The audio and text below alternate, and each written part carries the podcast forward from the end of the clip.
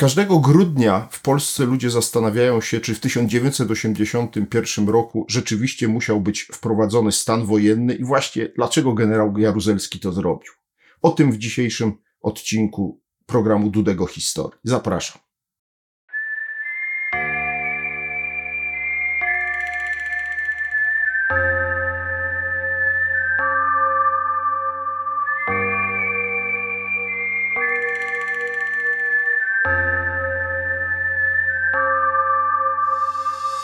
Wprowadzenie stanu wojennego podzieliło Polaków jak żadne chyba wydarzenie w powojennej historii Polski. I do dziś wraca to pytanie, czy stan wojenny y, rzeczywiście był jedyną alternatywą dla sowieckiej interwencji zbrojnej, jak twierdził generał Jaruzelski przez długie lata po roku 1989. Zacznijmy od początku, bo y, geneza stanu wojennego tak naprawdę sięga narodzin Solidarności, fali strajków latem 80 roku. Już wtedy władze PRL w czasie strajku w Stoczni Gdańskiej w innych zakładach polskiego wybrzeża rozważały użycie siły, ale wtedy ówczesny pierwszy sekretarz KCPZPR Edward Gierek nie zdecydował się na taki krok. E, między innymi dlatego, że skala tych strajków była z punktu widzenia władz tak olbrzymia, że jak powiedział ówczesny minister obrony narodowej, członek biura politycznego KCPZPR, generał Jaruzelski, nie da się wprowadzić stanu wojennego, mówił w odniesieniu do końca sierpnia 80 roku, ponieważ nie mamy wystarczających sił i środków, żeby wyegzekwować jego rygory.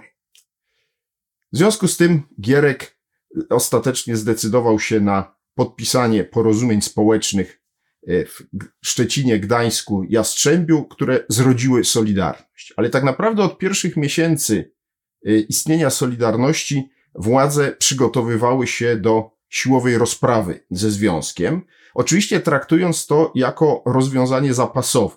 Bowiem na początku września 80 e, roku miejsce Edwarda Gierka w roli pierwszego sekretarza KCPZPR zajął Stanisław Kania, dotychczasowy członek ekipy gierkowskiej, ale zarazem pozycjonujący się w pewnej, e, w pewnej mm, opozycji do e, Edwarda Gierka. Otóż Kania e, przez właściwie cały okres swojego sprawowania funkcji pierwszego sekretarza KCPZPR uważał, że wprowadzenie stanu wojennego nie wchodzi w grę. Trzeba oczywiście prowadzić te przygotowania, ale miał inny pomysł na rozwiązanie problemu Solidarności. Ja to nazwałem doktryną Kani.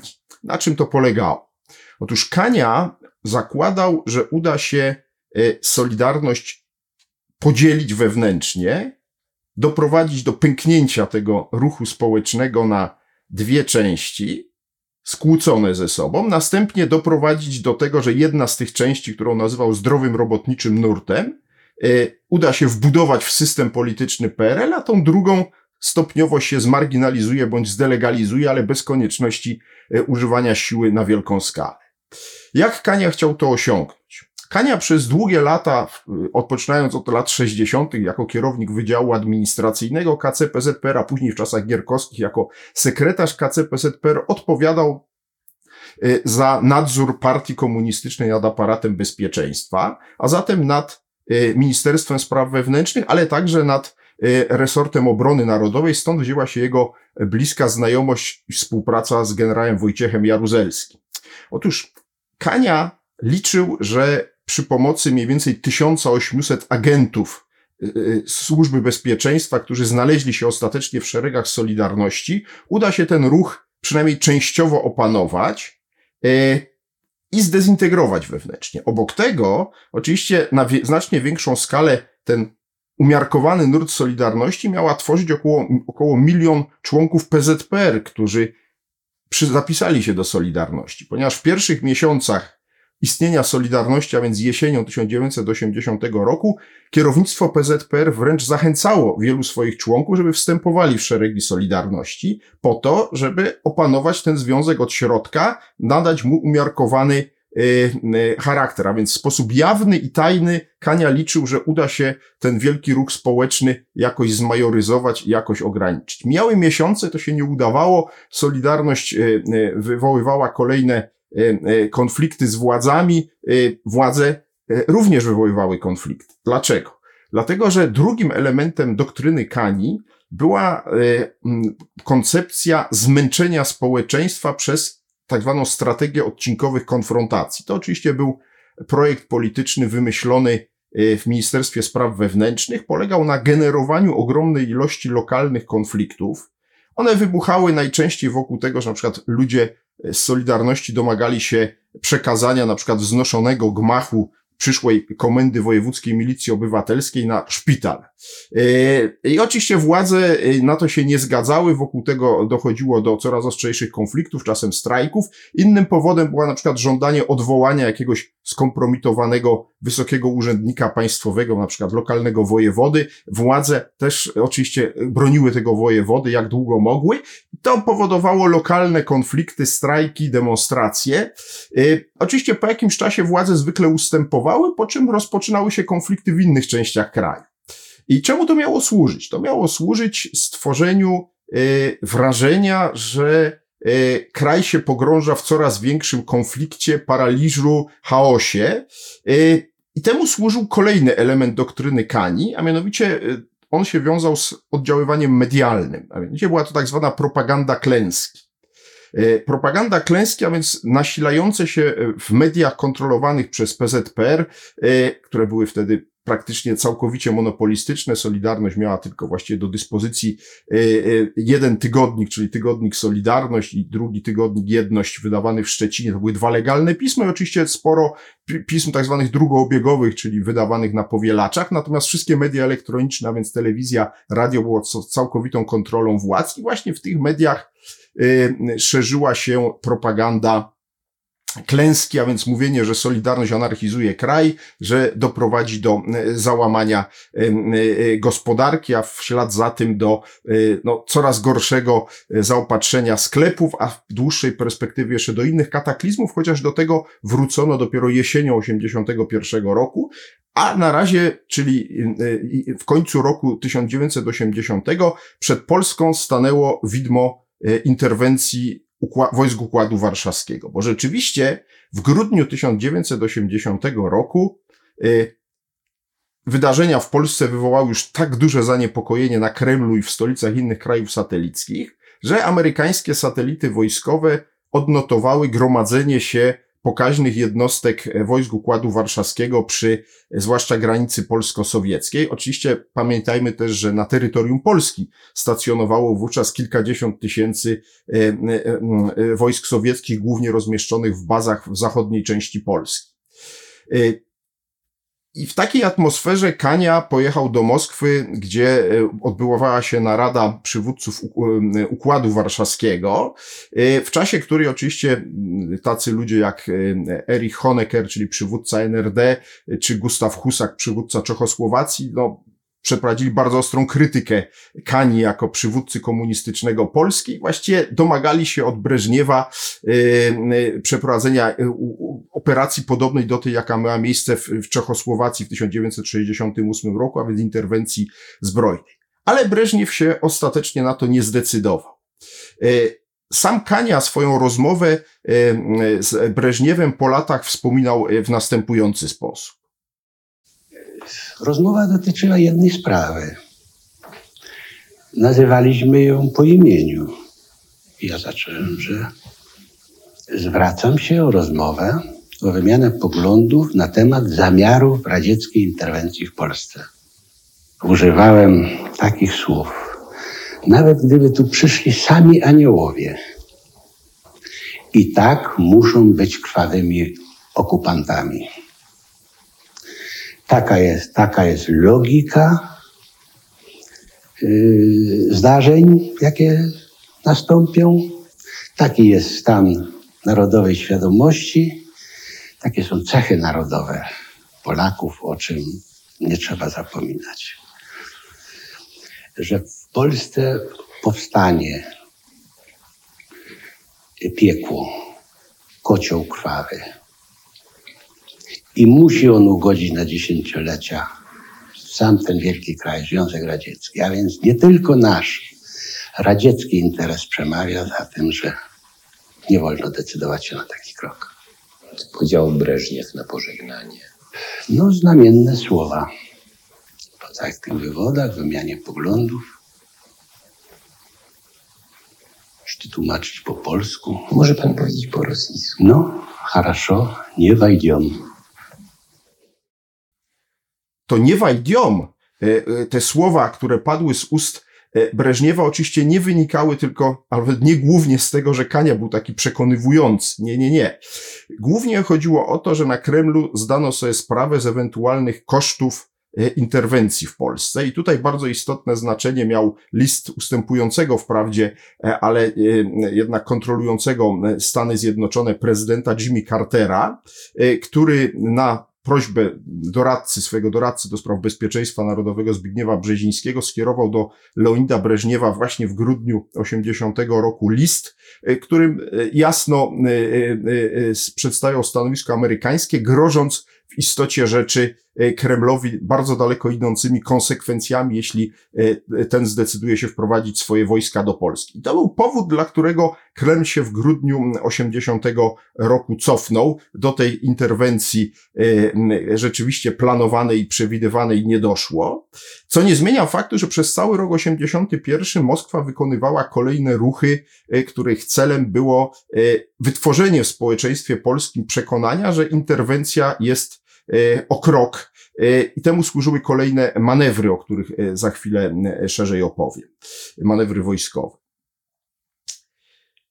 W rok 81 y, Polska weszła w realnej dwuwładzy. Formalnie wszystkie najistotniejsze segmenty państwa ciągle kontrolowała PZPR, ale stale rozwijająca się Solidarność, e, e, można powiedzieć, w coraz większym stopniu kontrolowała społeczeństwo. Było statem jasne, że prędzej czy później musi dojść do jakiegoś przesilenia, jakiejś konfrontacji, tym bardziej, że e, Solidarność, która w pierwszej swojej fazie obejmowała zakłady pracy, a więc ludzi e, przede wszystkim mieszkających w miastach, e, chciała się rozwinąć także i na polską wieś. To polscy rolnicy chcieli mieć swoją solidarność i tak naprawdę od jesieni e, 80 roku trwały w całej Polsce demonstracje, które niektóre przeradzały się w okupację budynków, e, z żądaniem rejestracji solidarności rolników indywidualnych. Władze oczywiście długo się temu opierały, aż wreszcie doszło do e, tak zwanego kryzysu bydgoskiego. W marcu e, 81 roku grupa działaczy, e, grupa działaczy mm, e, e, Solidarności e, e, tej robotniczej e, na czele z przewodniczącym regionu e, bydgoskiego Solidarności Janem Rulewskim wzięła udział w sesji Wojewódzkiej Rady Narodowej w Bydgoszczy, gdzie e, no, chciała przedstawić żądania legalizacji Solidarności Rolniczej. I tam doszło do, jak się wydaje, próby kolejnej takiej odcinkowej konfrontacji, mianowicie e, w trakcie jakby tej obrad, tej, tej, tej, tej sesji, w pewnym momencie te obrady zostały przerwane i zażądano od działaczy Solidarności, żeby oni opuścili budynek, ponieważ oni odmówili. Do akcji wkroczyła milicja i zachowały się z tej dramatycznej e, e, sytuacji, wprawdzie niskiej jakości, ale bardzo charakterystyczne materiały filmowe. 19 marca w Bydgoszczy działacze Solidarności są zaproszeni na posiedzenie Rady Narodowej. ZOMO wkracza do sali obrad. Ten dokument pochodzi z archiwów MSW. Chcę zakomunikować. Dałem czas 15 minut i na tym kończę. To jest moje ostateczne. Zwracam uwagę, że pan daje z 9-milionowemu związkowi ultimatum, co stawia pana w niekorzystnej sytuacji. Dziękuję, zrozumiałem. Apeluję do radnych, aby wobec takiej agresji przyłączyli się do tej Taką akcji. stronę.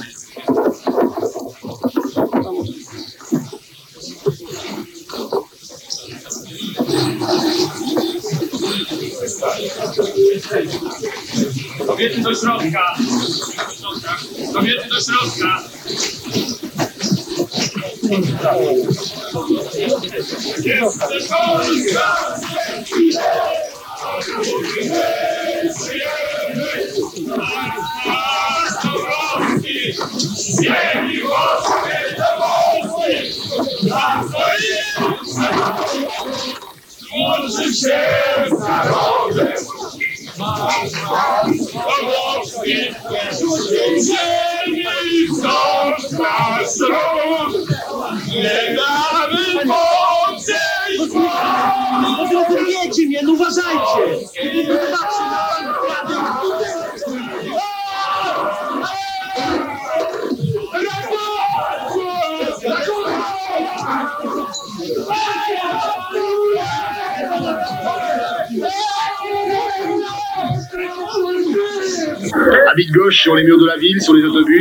W Bydgoszczy mury miasta pokryte są zdjęciami przedstawiającymi pobitych działaczy związkowych.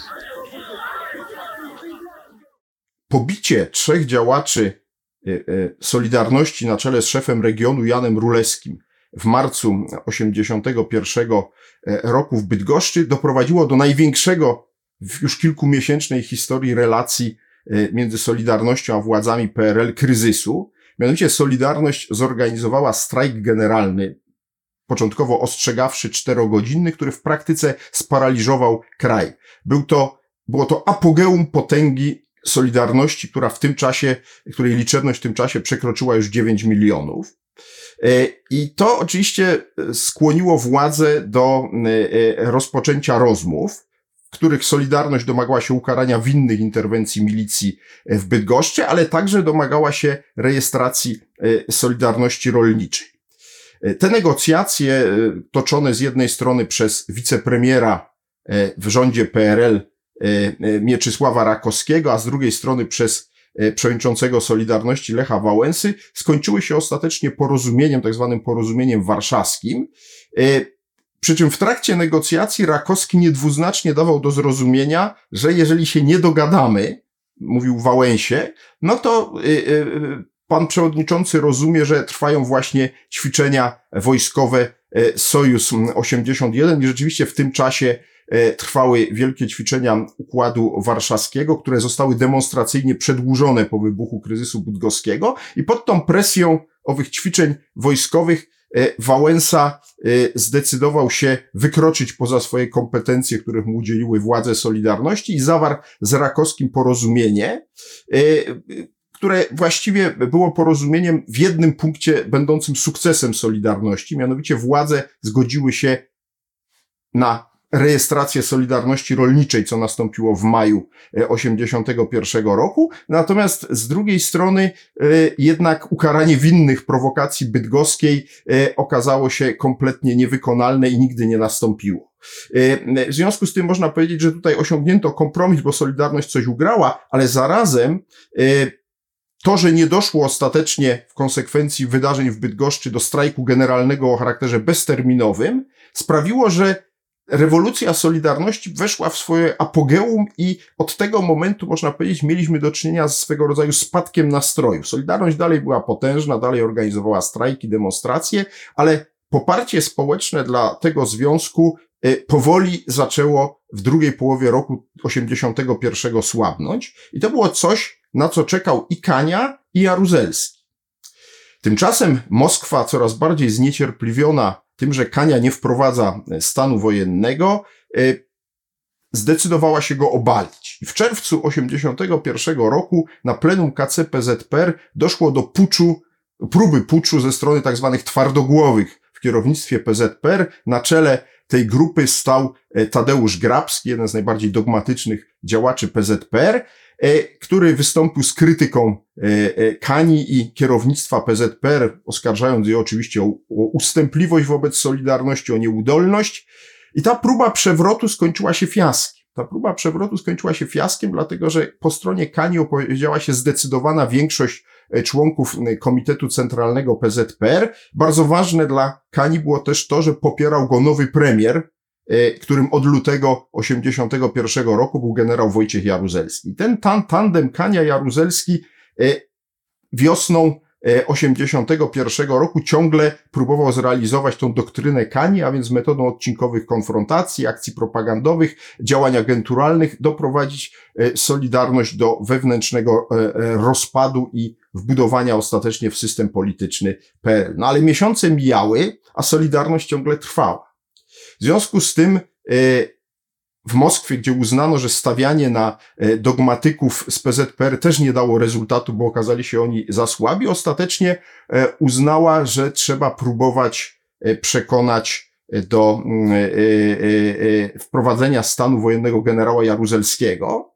I jak się wydaje, od lata 81 roku towarzysze sowieccy intensywnie, jak to się mówi kolokwialnie, pracowali nad generałem Jaruzelskim, próbując go przekonać do tego, żeby e, e, jednak e, pozostawił Kanię. Tymczasem Kania w lipcu 81 roku na e, nadzwyczajnym zjeździe PZPR osiągnął e, sukces, bo został e, wybrany na po raz kole, kolejną kadencję jako pierwszy sekretarz i wydawało się, że e, e, będzie dalej e, dość konsekwentnie tą swoją linię realizował, a więc próbę rozbicia Solidarności od środka.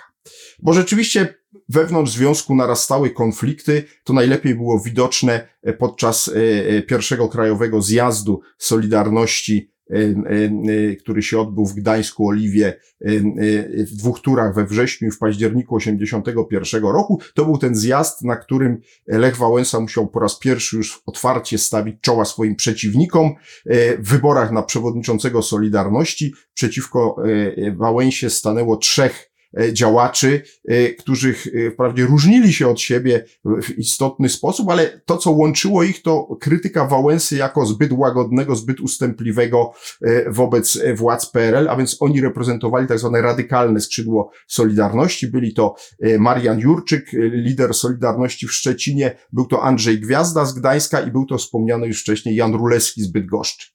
Rzecz w tym, że kiedy doszło do tajnego głosowania kilkuset delegatów, to już w pierwszej turze wygrał Lech Wałęsa, uzyskując ponad 50% wszystkich głosów, a ta trójka jego przeciwników e, no, dostała łącznie mniej niż sam Wałęsa. Co to oznaczało? Oznaczało to, że większość delegatów, a można przyjąć, że i zdecydowana większość członków Solidarności nie chciała e, radykalizacji, nie chciała iść na otwartą konfrontację e, z władzami PRL, e, czego, jak się wydaje, e, no, nie brał pod uwagę Kania, a zwłaszcza Jaruzelski. Otóż w czasie, kiedy ważyły się losy Wałęsy na fotelu przewodniczącego Solidarności, zaczęły się też ważyć losy Kani na stanowisku pierwszego sekretarza KCPZPR.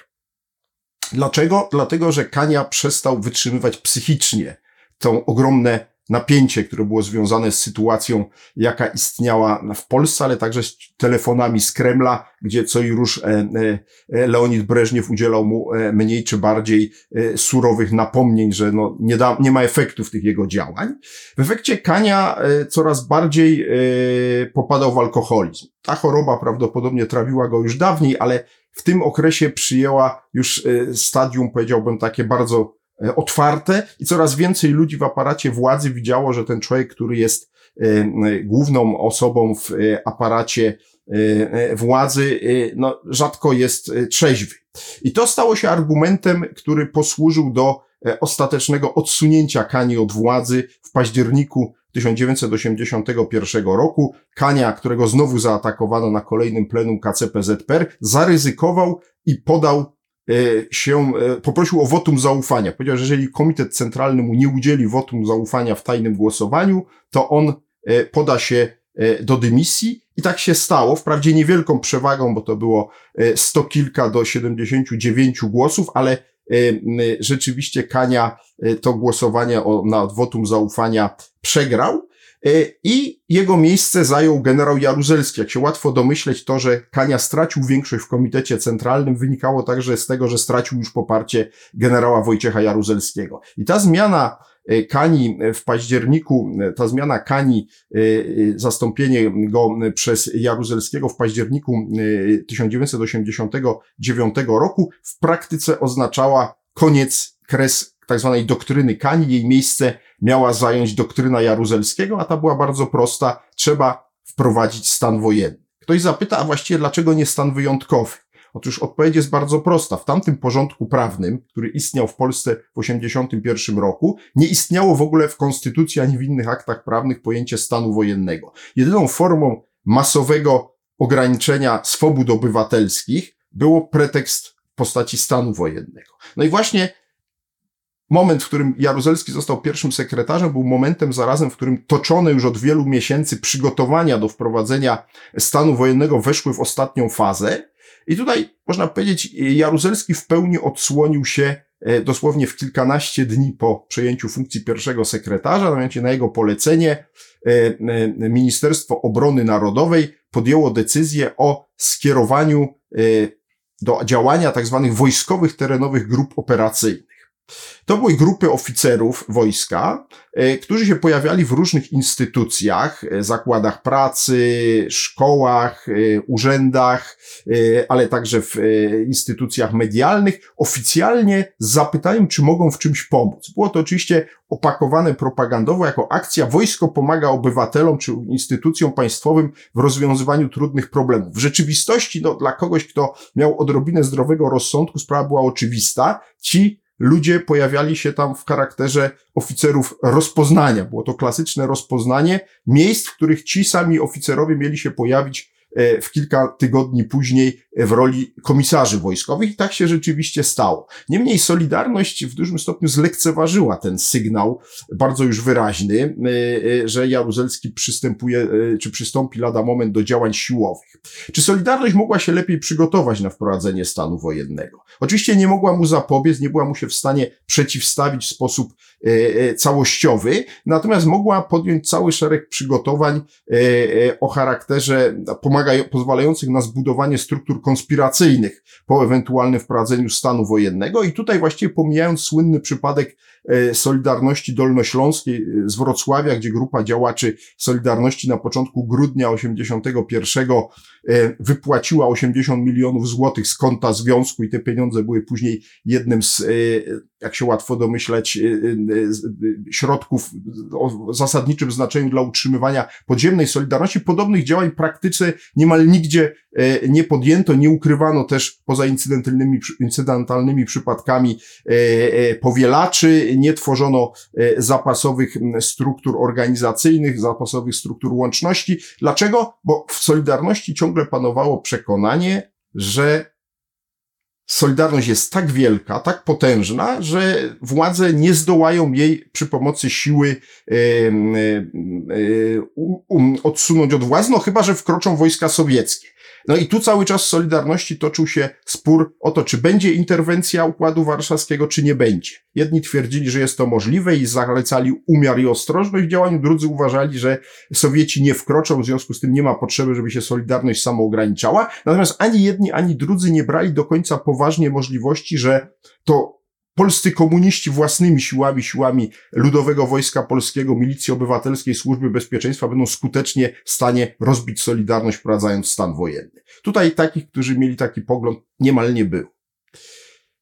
W listopadzie 81 e, roku Jaruzelski wykonał jeszcze jeden gest, który można uzasadnić jako propagandowe przygotowanie stanu wojennego. Mianowicie doprowadził do swojego spotkania z prymasem Polski Józefem Glempem i przewodniczącym Solidarności Lechem Wałęsą, proponując tak zwaną Radę Porozumienia Narodowego. To miało być takie fasadowe ciało, w którym obok przedstawicieli tych trzech sił, a więc PZPR, Kościoła e, i e, Solidarności, które miały realną władzę nad państwem bądź Polakami. E, e, Radzie Porozumienia Narodowego w koncepcji Jaruzelskiego miało się znaleźć to cały szereg fasadowych organizacji, a więc tak zwane stronnictwa sojusznicze, ZSL i SD, inne związki zawodowe, tak zwane e, związki prorządowe, jeszcze cały szereg innych organizacji społecznych. Byłby to zatem, mówiąc krótko, organ, który nie miałby żadnych realnych kompetencji, natomiast też Jaruzelski z góry założył i słusznie, że ta propozycja nie zostanie przyjęta przez ani stronę kościelną, ani tym bardziej stronę solidarnościową, a on będzie miał pretekst dla uzasadnienia, że musiał wprowadzić stan wojenny, bo druga strona nie chciała się porozumieć. No i wreszcie na początku grudnia nastąpił, można powiedzieć, stan y, wojenny w miniaturce. Na początku grudnia, y, y, w związku z jednym z wielu konfliktów, które które miały miejsce na terytorium Polski, generał Jaruzelski przeprowadził, można powiedzieć, taką operację sondażową, jak Solidarność zareaguje na Y, no, działania już o charakterze siłowym, mianowicie chodziło o konflikt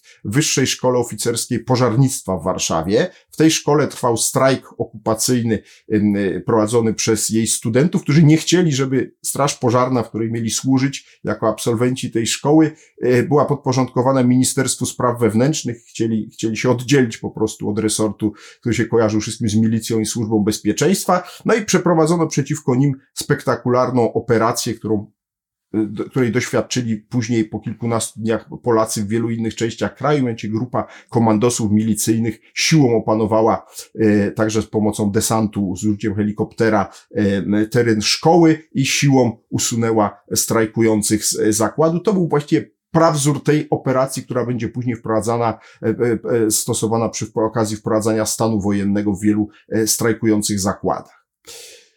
I na początku grudnia właściwie wszystkie przygotowania do stanu wojennego zostały zapięte na ostatni guzik. Generał Jaruzelski potrzebował jeszcze dwóch Y, y, informacji, dwóch decyzji. Po pierwsze, błogosławieństwa ze strony biura politycznego KCPZPR i ono zostało mu udzielone 5 grudnia. Biuro polityczne się zebrało. Po dyskusji stwierdzono, że nie ma już innej alternatywy i nie wyznaczono wtedy daty, natomiast dano generałowi Jaruzelskiemu pełnomocnictwo do wprowadzenia stanu wojennego w wybranym przez siebie momencie. No i drugim, jeszcze ważniejszym elementem było wsparcie Moskwy.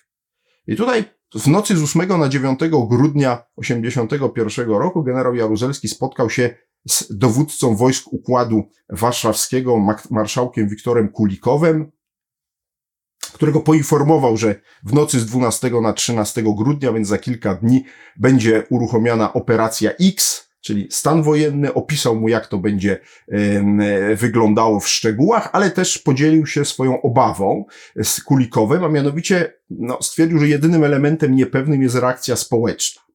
E, powiedział, że jeżeli e, e, liczba strajków będzie ograniczona, to oczywiście sobie poradzimy, ale jeżeli dojdzie do masowych demonstracji, to nie mamy wystarczających sił. I tu podał przykład województwa katowickiego, gdzie jak mówił, mieszka 4 miliony ludzi, a tam jest tylko jedna dywizja wojska. Jeśli te miliony wyjdą na ulicę, no to nie mamy praktyce żadnych szans z tą jedną dywizją sobie poradzić. Czy w takiej sytuacji y, możemy liczyć na wsparcie y, po linii wojskowej ze strony Związku Sowieckiego? Kulikow, y, zgodnie już z tą doktryną, która obowiązywała na Kremlu w 1981 roku, powiedział Jaruzelskiego, że jest się cieszy, że generał w końcu podjął tą decyzję, ale że to trzeba przede wszystkim własnymi siłami. On nie może tutaj żadnych deklaracji e, składać, ale zapyta Moskwę, oczywiście przekaże to. I rzeczywiście 10 grudnia zebrało się sowieckie biuro polityczne E, na którym odbyła się dyskusja. Po latach, w 1993 roku, prezydent Rosji Borys Jelcyn przywiózł nam e, e, szereg dokumentów dotyczących właśnie stosunku Związku Sowieckiego do rewolucji Solidarności, w tym także kilka protokołów sowieckiego biura politycznego, także i to z 10 grudnia 1981 roku i w tym protokole możemy prześledzić przebieg dyskusji, z której jasno wynika, że właściwie wszyscy są zgodni, że trzeba wspierać Jaruzelskiego gospodarczo i politycznie, ale nie może Związek Sowiecki ryzykować wprowadzania wojsk. Dlaczego? Ano dlatego, że zmienił się gospodarz w Waszyngtonie. Otóż miejsce Jimmy Cartera zajął na początku 1981 roku Ronald Reagan, najbardziej antykomunistyczny z powojennych prezydentów Stanów Zjednoczonych i na Kremlu całkowicie poważnie panowało przekonanie, że Reagan szuka pretekstu do rozpętania III wojny światowej. Można to uznać za przejaw paranoi panującej na Kremlu, ale jak wiemy, e, to jest zjawisko, które tam często występuje. W związku z tym e, oni autentycznie uważali, że jeżeli wprowadzą w takiej sytuacji, jaka była wtedy wojska do Polski, no to Reagan uzna to za pretekst, no, na przykład do zajęcia y, y, y, Kuby albo jakiegoś innego uderzenia w sowiecką strefę wpływów na świecie. I w związku z tym odpowiedziano Jaruzelskiemu, że może liczyć na wsparcie gospodarcze i polityczne, natomiast nie może liczyć na wsparcie po linii wojskowej. I w tym momencie Jaruzelski musiał podjąć decyzję, czy po raz kolejny odłożyć decyzję o wprowadzeniu stanu wojennego, mówiąc, no, że no, chciałem, ale nie mam od was polisy ubezpieczeniowej, to jeszcze muszę poczekać, czy też jednak zaryzykować i uderzyć. I Jaruzelski, jak wiemy, zdecydował się 12 grudnia razem z dwoma najbliższymi współpracownikami, właściwie trzema e, generałami, którzy byli jego, stworzyli jego najbliższe otoczenie, generałem Kiszczakiem, ministrem spraw wewnętrznych, generałem Florianem Siwickim, który był wiceministrem obrony narodowej, a w praktyce kierował Ministerstwem Obrony w sytuacji, w której Jaruzelski był pierwszym sekretarzem i premierem. I generał Michał Janiszewski, najmniej znany z tego grona, który był szefem Urzędu Rady Ministrów, oczywiście e, przez Jaruzelskiego. Otóż tak, ci generałowie podjęli 12 e, grudnia wczesnych godzinach popołudniowych decyzję o wysłaniu sygnału do komend wojewódzkich milicji, a także do, y, y, do oczywiście jednostek wojskowych informacji o rozpoczęciu operacji o północy, a właściwie tak naprawdę przed północą y, 13 grudnia. Dlaczego? Otóż to decydujące znaczenie miały wyniki badań socjologicznych. Generał Jaruzelski był pierwszym przywódcą e, PZPR, który był niezwykle przywiązany do wyników badań opinii publicznej i od lata 81 roku bardzo wyraźnie w tych badaniach było widać, że słabnie poparcie dla Solidarności. To nie oznaczało oczywiście, że rosło poparcie dla władz PRL, ale ludzie po prostu byli coraz bardziej zmęczeni. Tu ogromną rolę odegrała Znowu wrócę raz jeszcze do tego propaganda klęski, którą y, jesienią 81 roku już media zostały kompletnie y, zatrute, która opowiadała, że właściwie w zimie za skutek strajków Solidarności, tej anarchii nie będzie y, już nawet dostaw żywności wystarczających na pokrycie przydziałów kartkowych, że będą przerwy w dostawach ogrzewania, więc może trzeba będzie rozśrodkować ludność z miast na wieś, że będą przerwy w dostawie prądu, e, a zatem mówiąc krótko, straszono Polaków apokalipsą e, energetyczną e, i to i to rzeczywiście też podziałało. I to pokazało w pełni, objawiło się to w pełni po 13 grudnia w skali oporu przeciwko wprowadzeniu stanu wojennego, która nie była duża. Ale to już temat na inny wykład. Temat na wykład dotyczący samego stanu wojennego, który z pewnością pojawi się w jednym z kolejnych programów Dudek o historii. Dziś już dziękuję za uwagę i gorąco zachęcam Państwa do wspierania tego kanału.